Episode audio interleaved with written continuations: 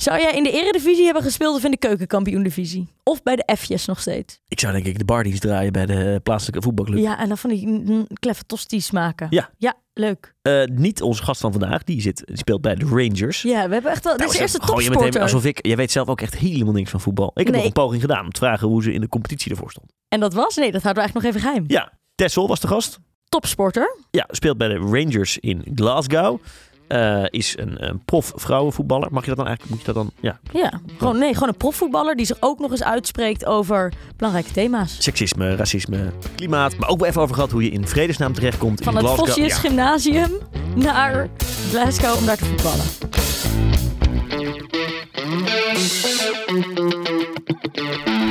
Dag Freek, Hey Anna. wat weet jij van voetbal? Ja, echt een allergrootste blinde vlek. Ja, bij mij ook. Als ik ooit mee zou doen aan de slimste mens, zou het daar denk ik helemaal misgaan. Maar wanneer heb jij voor het laatst gesport?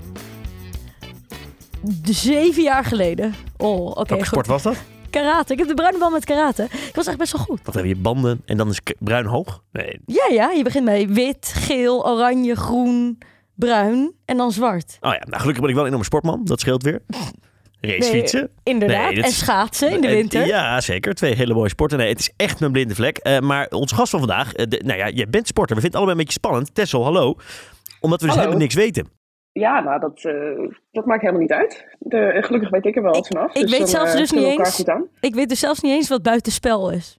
Nou, laten we daar nog niet mee beginnen. Oké, oké, Jij dat komt nu. aan het einde. Jij speelt nu voor, eh, eerder voor Swift, voor Ajax en nu voor het Schotse Rangers. Dus je zit nu, waar ben je? Want je bent op afstand. Eh, in Glasgow, in Schotland. En eh, ja, dan gaan we even helemaal bij het begin beginnen. Hoe kom je daar terecht? Ja, ja, ben je bij de, in de F'jes begonnen, in de D'tjes Dus begonnen? welke keuzes heb jij gemaakt om nu in Glasgow bij de Rangers te voetballen? Ja, nou, dat was helemaal eh, niet, niet per se allemaal dat het- bewuste keuzes waren die me hiertoe hebben geleid. Maar ik, eh, de, eerste keuze, denk ik, die werd genomen, was dat ik op mijn vijfde lid werd van een voetbalclub. Oké, dat vind In ik overzichtelijk. Ja, dus en toen ging het goed ook. Of, En toen gewoon ging het goed. En eh, op mijn tiende, eh, toen werd ik ge- gescout door de KVB, de, de voetbalbond. En eh, toen mocht ik bij een, eh, een meisjesselectiewedstrijd aanwezig zijn. En vanaf dat moment eh, ja, ben ik een beetje zo de, ja, de, de KVB ingerold. Het, het, het ja, de, de ri- richting het en, professionele ging, en ging dat goed met die middelbare school afronden? Nou, dat was moeilijk. Ik heb, eh, moest op een gegeven moment moest ik elke dag om half drie. Eh, volgens mij twee uur weg van school moest ik om half drie trainen, of om drie uur. Moest ik op mijn fiets eh, van de middelbare school, van, de, ja, ehm, van mijn school naar, eh, naar Oud-West. Daar, moest ik dan zijn. Ehm, nee, Nieuw-West trouwens. Dus het was echt wel flink. Het was een half uur fietsen. En ehm, ik miste eigenlijk daardoor eigenlijk één van de vijf schooldagen. Want vanaf het zesde uur kon ik niet meer ja, aanwezig zijn, moest ik weg. Dus het, het, is, het is me gelukt, eh, maar het, eh, ja, het heeft heel veel extra uh, ja, studieavonden gekost. En ehm, de goede contacten opbouwen met de docenten, dat helpt ook goed. Dus het was, was lastig, maar het, ja, het, het, de combinatie voetbal en, en, studie kan. Oh ja, precies. Maar, maar dan moet je, kom je ook in, vaak in zo'n regime, toch? Dat je minder lessen hoeft te volgen of dat je ja. in zo'n sportklas komt. Um, dat... Nou, dat, ik, ik, ben niet, ik heb niet op een sportklas gezeten. Ik heb, op, uh, ik heb het, uh, het Vossius gedaan in Amsterdam. En dat is niet bepaald een uh, sportschool. nee, maar die maar hebben ook dus geen sportklas. Het gaat er vooral om dat je... Sorry? Ze hebben ook geen eens een sportklas. Nee, nee, precies. Dus het, uh, ja, ze waren wel gewend aan, aan mensen die het conservatorium deden. Bij Grieks mag je, mocht je misschien een keertje discus werpen, maar dat is het dan ook wel. ja, precies. Dus dit hadden ze ook nog niet zo vaak meegemaakt. Um, maar goed, als je nou ja, goed je best doet en, uh, en goede cijfers haalt natuurlijk. Ik bedoel, als ik alleen maar onvoldoende zou halen, dan, uh, dan had ik eerder een keuze, een keuze moeten maken. Maar nu kon ik het alle twee lang naast elkaar blijven doen. En vond je het belangrijk om te blijven, eerst naar school te blijven gaan en daarna ook nog te studeren naast je voetbalcarrière? Ja, ja want uh, ik, uh, ja, echt vanaf heel jongs af aan is voetbal een grote passie en liefde van me. Maar het is niet het enige in het leven. Ik, vind het, ik vond het ook als klein meisje al heel erg leuk om, om nieuwe dingen te leren. En ik was altijd heel nieuwsgierig. Dus um, ja, het is bij mij nooit de vraag geweest of ik, uh, dat ik moest kiezen tussen het een, een van de twee. Dus ik wilde altijd uh, mijn leven zo inrichten dat ik het alle twee kon doen. En uh, nou ja, gelukkig is dat, heeft dat goed uitgepakt. En heb je het gevoel alsof je nu ook nog het tweede kan doen? Zeg maar, mis je ooit de intellectuele uitdaging in de voetballerij? Ja, maar je studeert gewoon nog, toch? Niet? Ja, ik studeer nog, inderdaad. Oh, dat, Oh, oh, dat wist weet ik niet. helemaal niet. Maar ja. Ehm, nee, ik studeer aan de O- eh, Open Universiteit. Wat best handig is, want ik heb, ben de afgelopen jaren best wel veel van, van woonplaats veranderd. Ik woon al een paar jaar in het buitenland. Maar ik heb in Engeland gewoond, op, in Manchester in Londen en in Florence in Italië. En nu woon ik in Schotland. Ehm, dus het is niet heel handig om met, op- ja, bij één eh, universiteit te zitten als je daar niet gegarandeerd nog eh, een aantal jaar zit. Dus vandaar de Open Universiteit. Ehm, ja, en dat is, eh, vind ik eh, zelf een hele leuke ehm, afwisseling van, van voetbal. ehm, en bezig zijn met je, vooral met je lichaam en op het veld en buiten. Ehm, en, en wat meer met je, met je hoofd. Maar ehm, ja, ook, ook binnen. Ja, het is niet zo zwart-wit dat er, dat er alleen maar ehm, domme gesprekken zijn. Of, of Nee. dat er geen intellectuelen zijn in het voetbal. En ook ehm, Maar dat is natuurlijk wel nou ja, vice versa. het beeld dat, dat mensen snel hebben van die Ja, bij voetballers. mannenvoetbal. Bij mannenvoetbal, ja. Maar daar klopt, het, klopt het daar dan wel? Ehm, dat weet ik, ik denk ook steeds minder, om eerlijk te zijn. Want volgens mij, eh, ja, eh, er was laatst ook zag een onderzoek naar of het, een, ehm, het Duitse mannenelftal, dat was dan het, het slimste elftal eh, dat ze ooit hadden gehad. Dus daar heel veel ja, spelers hebben ook ja, universiteit gedaan of, of gestudeerd. Dus ehm, ik weet niet of dat het taboe nog, of dat imago nog helemaal klopt, zeg maar. Oh ja. Je hebt, ik, maar ik weet niet meer welke club. Maar je had op een gegeven moment een clubje spelers van een Nederlandse club die een boekenclub waren begonnen.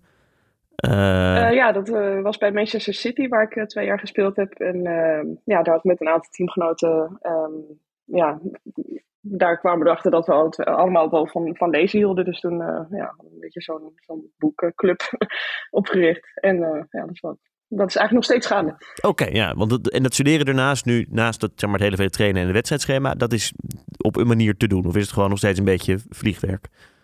Ehm, nou ja, het studeren, of ik eigenlijk ik voetbal fulltime en studeren is parttime. Dus in die zin is er wel een keuze gemaakt op een gegeven moment in, in mijn leven de afgelopen jaren. Dat ik eh, was eigenlijk altijd, ja, school en studie was belangrijker dan voetbal. Dus ik heb ook eh daar het EK het, on- met onder 19, het nationale team onder 19, heb ik gemist. Omdat ik zei van ja, sorry, maar ik heb het nu echt te druk met school. En ik wil ehm, ja, wel ervoor zorgen dat ik eh, overga, dat ik goede cijfers haal. Dus toen nou, toen heb ik duidelijk een aantal keuzes gemaakt ehm, voor school en studie. En ehm, vanaf mijn, op, toen ik 23 was, toen, eh, toen speelde ik bij Ajax in Amsterdam. En eh, kon ik naar Manchester City een transfer maken. En toen eigenlijk kon ik, was ik voor het eerst ook financieel gezien een fulltime prof. Want toen kreeg ik voor het eerst eh, genoeg betaald om van te leven. En dat heeft wel, nou, daardoor is die focus ook wel een beetje veranderd toen. Toen had ik ook net mijn bachelor gehaald aan de, aan de UvA, mijn bachelor geschiedenis. Eh, en toen dacht ik van, oké, nu ben ik, word ik voor het eerst in staat gesteld om echt volledig te leven van, van de sport. En dat wil ik dan ook wel eens ja, gaan uitvogelen hoe dat dan is. Eh, en en ja, om, te- om te zien of dat mijn prestaties nog, eh, ja, nog meer ten goede zou komen. En bovendien, ja, het is heel hectisch een eh, fulltime prof bestaan als je voor Manchester City speelt en het Nederlands elftal toen nog. Dus toen ben ik parttime gaan studeren. Dus nou ja, de zo zijn de ja. keuze. Het is, het is wel een beetje verschoven toen. Maar speelde je toen bij de eerste, het eerste team van Ajax? Zeg maar, eerste vrouwenteam. Ja, er was ook niet een tweede. Dus, Nee, eh, maar en, en want die- Eh, Ajax heeft in 2012 een, eh, voor het eerst een professioneel vrouwenteam opgericht en daar, daar zat ik bij. Dus de eerste vier jaar van 2012 tot 2016 zat ik eh, ja, bij het eerste en enige team, vrouwenteam van Ajax. Is het niet eh, woestmakend dat vrouwelijke voetballers niet gewoon normaal betaald krijgen? Ehm, ja, eh, best wel. Ja, ook, ook hier in Schotland, waar ik nu dan speel, zijn er gewoon, ja, het merendeel van de, van de competitie, die verdient gewoon onder het minimumloon. Dus eigenlijk eh, alle, bijna alle speelsters, behalve de, de speelsters die bij de topclub zitten. Er zijn drie topclubs van de, van de twaalf en ik zit bij een van de drie. Maar al die andere meiden, die, eh, ja, die moeten er een, twe- een tweede baan naast hebben. En je kan natuurlijk wel voorstellen dat als je eh, ook nog eh, brand, eh, bij de brandweer werkt. Ik heb nou ja, het, iemand die vorig jaar bij ons speelde, die eh, is nu naar een andere club gegaan, maar die werkt inmiddels ook bij de brandweer. Ehm, ja, die, maakt hele lange dagen. Die heeft dan night shifts, nachtdiensten. Dus ja, dat is natuurlijk niet bevorderlijk voor je prestaties op het veld als je eigenlijk nog, als je eigenlijk nauwelijks geslapen, ge- ge- geslapen hebt. Dus ehm, ja, als we met z'n allen de kwaliteit van de vrouwenvoetbal omhoog willen krijgen, dan begint het met, met fatsoenlijke salarissen. Ja.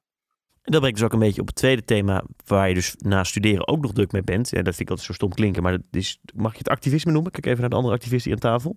Ja? Je uitspreken. Want Ja? je bent ook heel. eh, je hebt een opiniestuk geschreven onlangs over, over, de, over het racisme binnen het profvoetbal. Je spreekt je daar heel erg over uit. Je, zei- je zei, ik las een interview, dat moet. Dat, dat is nou eenmaal noodzaak. Ehm, zit hem, kwa- kwam dat bij het voetballen vandaan ook? Of zit dat in, in iets anders bij jou? Ehm, nou ja, ik las een interview in het Parool en daar eh, ehm, werd het een beetje omschreven eh, als dat je soms eh, noodgedwongen in de rol van activist wordt, eh, ehm, wordt gedwongen. En dat is eigenlijk, daar is helemaal niks mis mee, maar dat is bijna automatisch word je activistisch als je in het vrouwenvoetbal zit, als vrouwelijke voetbalster. Omdat er gewoon nog zoveel vooroordelen zijn en, en eh, ja, strijden die te voeren zijn. Ehm, dat, je, ja, dat je automatisch een beetje ja, activistisch wordt. Dus ik denk dat dat wel een verschil is tussen vrouwen- en mannenvoetbal. Mannen hoeven niet meer te strijden voor ehm, een fatsoenlijk salaris. Eh, althans, ehm, nou, er zijn ook vast voorbeelden van eh, de, de, in de, keukenkampioen-divisie zullen, zal ook niet iedereen een goed salaris krijgen. Maar nou, in de top er is gewoon nog echt wel een vrij groot verschil in de top tussen mannen en vrouwen. En ik denk dat dat ehm, je ook automatisch wat meer bewuster maakt van, ja, van je eigen positie. En daardoor dat je ook eh, dat in vrouwenvoetbal misschien daardoor wat meer oog is, ook voor andere maatschappelijke kwesties, zoals racisme, seksisme, het klimaat. Ehm, en dat we daar ons ook ja, comfortabeler bij voelen om ons daarover uit te spreken. En want je hebt je noemt de verschillende strijden die je moet strijden. Is, is die verloning de grootste strijd nu nog steeds? Of is het, eh, z- zijn ze... Maar all- eigenlijk niet eens. Het gaat echt heel vaak om, om- meer om basisvoorwaarden. Dus ehm, op, op wat voor ondergrond speel je? Op gras of op kunstgras? Ja, wij spelen eigenlijk alle wedstrijden op kunstgras. Ehm, maar het liefst speel je op een goed grasveld. Dat is gewoon beter voor je spieren en je gewrichten. Dus dat is gewoon, dat is al één kwestie. Een andere is, hoe zijn de medische voorzieningen? Heb je een, een, heb je een fysiotherapeut? Heb je een, een, is er een dokter? Heb je altijd toegang tot een gym?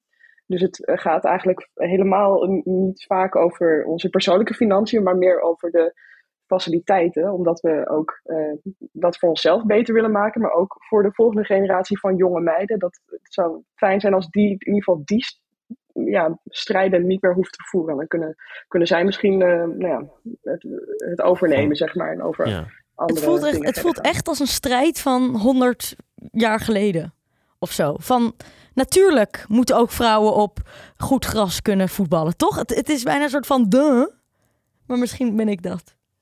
Eh, Het voelt van zo frustrerend. Gun het ze gewoon, weet je wel, zodat er ook meer aandacht komt voor dat vrouwenvoetbal. En zodat Ja, die stadions ons dan gevuld zijn als jullie spelen. Ja. Ik, ik ben, Hanna, ik ben het helemaal met je eens. Eh, maar dan, toch is dan vaak het argument van ja, dan, dan, dan vertrappen wij het gras voor, voor de mannen die dan de dag daarna moeten spelen, weet je wel, dat soort eh, dingen. Jezus. En heb je ook Ehm, iets... iets- heb, Hanna, jij dus, bent net woestmakend. Hanna, heb je ook iets woests in je, Tessel? Eh, soms, ja. Het ligt een beetje aan met. Het belangrijkste is dat we, ik probeer zoveel mogelijk in de juiste, op de juiste plekken terecht te komen waar, waar de, de beslissingen worden genomen. Dus aan tafel te komen zitten, dat is vaak al een eerste stap. Eh, nou, dat, is, dat gaat me steeds beter af. En ehm, ja, dan is het zaak om inderdaad soms en, eh, ja, echt een goed je punt eh, te maken. Ik weet niet of ik, ehm, dat moet je dan niet per se op een woeste manier doen, want dan krijg je als vrouw ook weer vaak het argument dat je eh, te emotioneel bent. Hysterisch, ja. Dus dat moet je dan ook weer op een slimme, slimme manier doen. Maar ehm er zit zeker wel een soort drive achter bij mij. En, en die, ja, die komt uit deels uit woede en frustratie inderdaad ook wel voort. Van, ja, dat, je, dat we nog steeds dit soort ehm, ouderwetse gevechten moeten voeren. Is het, is het wel nog leu- leuk, het voetballen?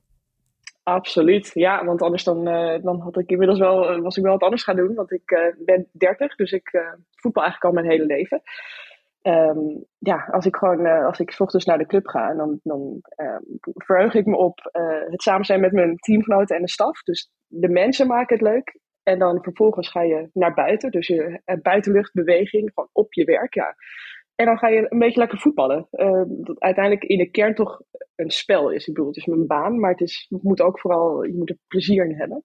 Ja, en dat heb ik op dagelijkse basis. Dus ik, eh, ja, ik, eh, als ik, zolang ik me fit voel, dat is natuurlijk wel een nadeel van een ehm, ja, sportcarrière. Blessures, die horen er helaas bij. Daar heb ik zelf ook mee te maken gehad. Ik heb twee keer mijn, mijn kruisband gescheurd. Dus dan lig je er eigenlijk twee keer een jaar uit. Ja, dat zijn minder leuke jaren natuurlijk, want dan heb je dat hele teamgevoel niet. Het is een heel individueel proces dat je dan doorgaat. En ja, je raakt een beetje het vertrouwen in je lichaam kwijt en zo. Maar als je fit bent en het, en, ja, het gaat goed en je speelt veel, dan, dan is het echt het beste, dan is het de beste baan die er is, vind ik. Maar wist je dan zeker tijdens het jaar ook, weet je niet zeker of je nog terug kan komen?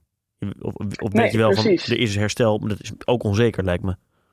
Ja, ja, dus ten eerste staat er voor een kruisbandblessure dan staat 9 tot 12 maanden herstel. Dus, ja, en nu eigenlijk vaker neigen ze meer naar 12 dan naar 9. Dus dat is gewoon een jaar dat je eruit ligt.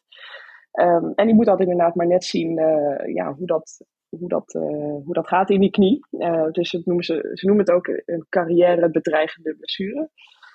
helaas komt het veel voor in het vrouwenvoetbal. Dus er, er zijn ook heel veel verhalen van nou, dat het goed gaat. En ik ben inmiddels zelf ook wel weer vier, bijna vier jaar fit, dus zonder uh, blessures. Dus, uh, Misschien een hele domme vraag ja, hoor, maar waarom komt het in kruisbandblessure vaker voor in het vrouwenvoetbal? Of, of, komt het gewoon vaker voor in het voetbal en dus ook in het vrouwenvoetbal? Of is er nog een vrouwencomponent? Ja, het komt, in, het komt helaas ook in het mannenvoetbal veel voor, maar bij vrouwen nog wat meer. Dat heeft een aantal oorzaken. Daar is nu heel veel aandacht voor eigenlijk.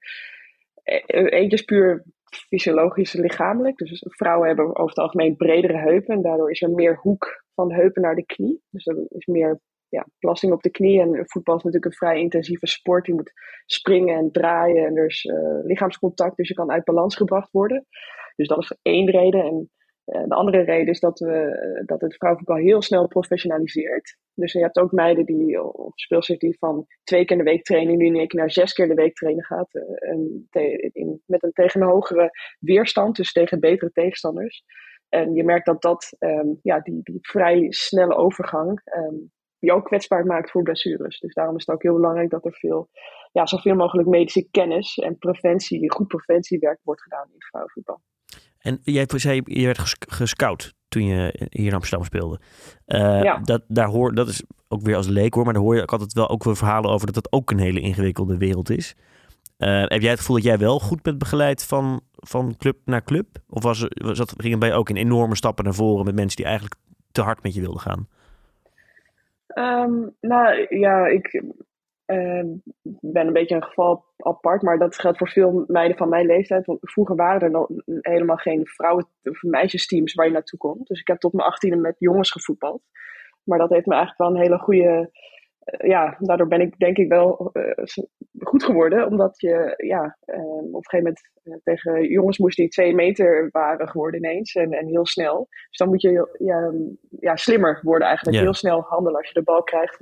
Van tevoren al weten waar je naartoe speelt. Anders dan ja, heb je een duel en dat ga je gewoon op puur basis van fysieke kracht niet winnen. Dus um, ja, dat, dat zou ik in principe ieder meisje aanraden als je het leuk vindt om met jongens te voetballen. Um, dus wat dat betreft heb ik niet zo'n nee. traject doorlopen dat je begeleid wordt, zeg maar. Um, ja, van, dus het is bij mij wat geleidelijker gegaan. En pas op mijn achttiende ben ik van, uh, ja, van jongens eigenlijk naar, naar senioren vrouwenvoetbal gegaan. Oké, en even terug naar, naar dat je je dus ook uitspreekt, of dat je je moet uitspreken. Want eentje, je had het nu over de, de, de bij de clubs en de beloning, maar ook uh, klimaat specifiek. Zit de, waar zit hem dat hem in? Ja, klimaatrapporten lezen. Een beetje überhaupt gewoon de kant lezen. En ja, uh, ja, merken ook dat het eigenlijk al, dat het al gaande is. Uh, dat er al, het wordt warmer.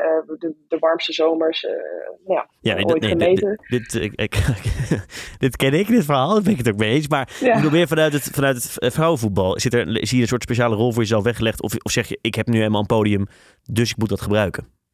Ja, ik, ik, ik, zie, dit link ik niet per se aan, aan voetbal. Dit is gewoon wat ik, dit, wat ik als persoon, de persoon Tesselmiddag vind. En ik ben toevallig ook uh, ja, voetballer. Dus ja. dan, um, ja, als je op een gegeven moment al ja, voor jezelf hebt vastgesteld van nou, hier moet veel meer aandacht voor komen en veel sneller actie worden, worden ondernomen, dan, ja, dan ga je denken van wat kan ik persoonlijk doen? En dan gaat het om ja, je, je persoonlijke gedrag, proberen minder vaak te vliegen, um, een, een, duurzame bank, of ja, een niet vervuilende bank uitkiezen, dat soort dingen.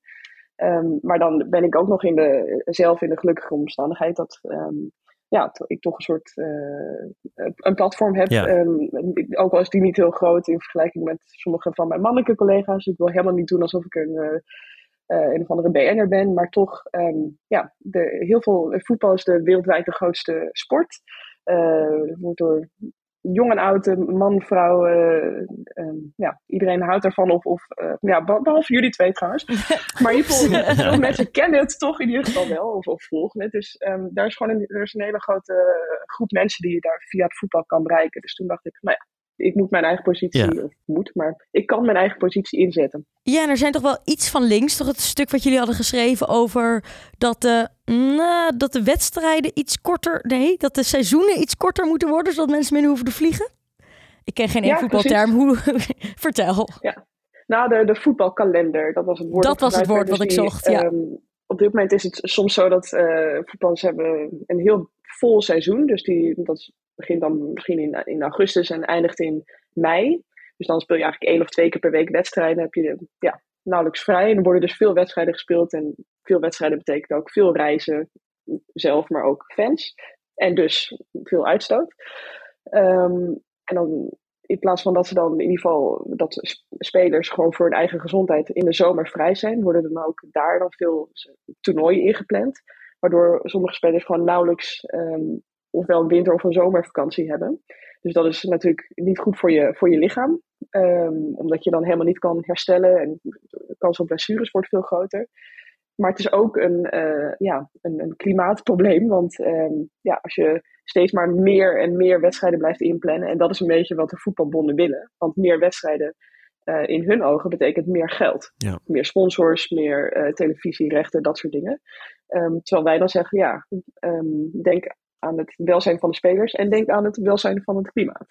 En um, ik wil niet steeds je mannelijke collega's als idioten afschilderen, maar dat, ik moet daar maar. zeggen, maar, maar, met alle respect. Nee, maar het is, ik, het, niet het eerste waar ik aan denk, is je uitspreken over maatschappelijke kwesties als ik denk aan voetballers.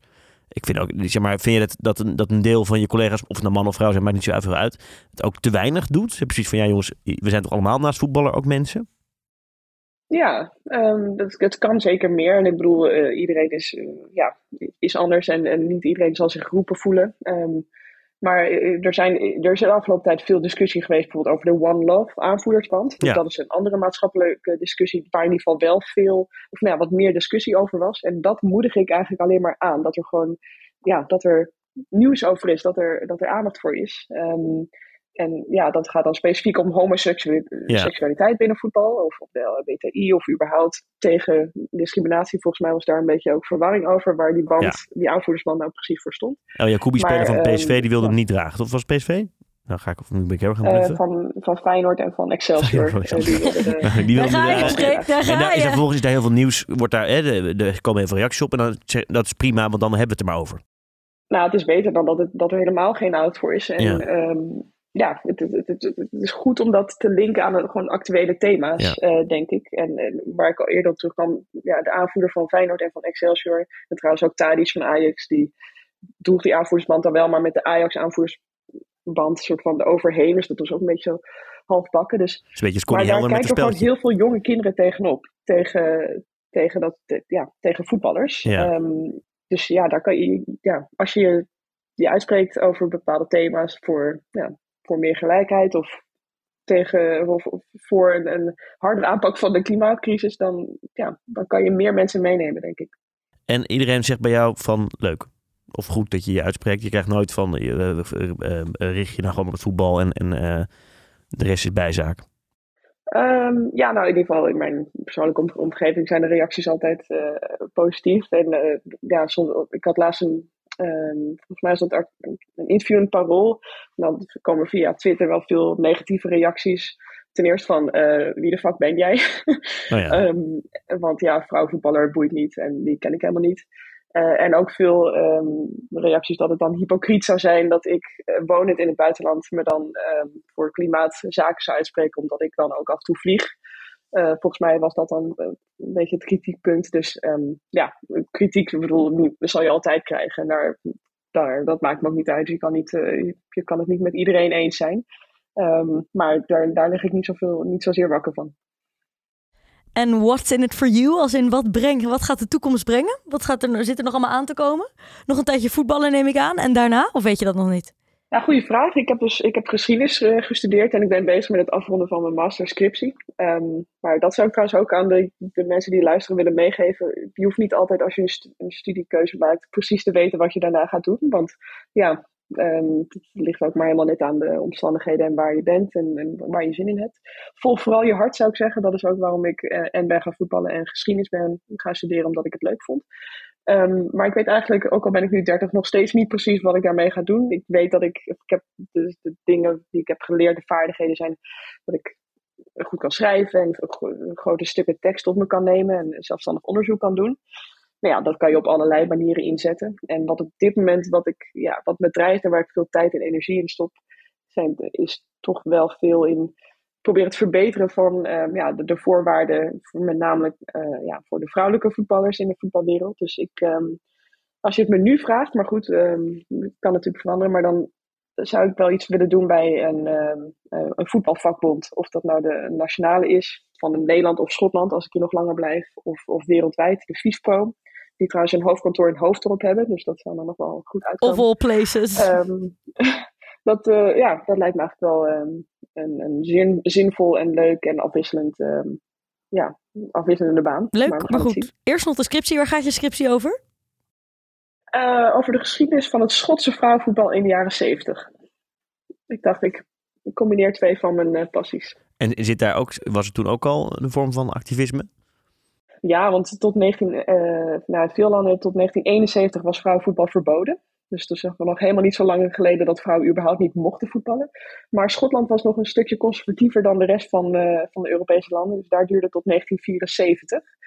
Want die waren dus, ik las een document en dan stond echt met hand, hand geschreven van de, van de Schotse voetbalpresident um, ja, stond dat ze strongly opposed waren uh, to women's football. Dus ik ben eigenlijk wel benieuwd waarom dat in Schotland nog wat langer duurde uh, dan in andere landen. Dus daar, daar gaat mijn onderzoek over. Oké, en dat is nu een hele domme vraag, maar hoe doen de Rangers het in de competitie daar?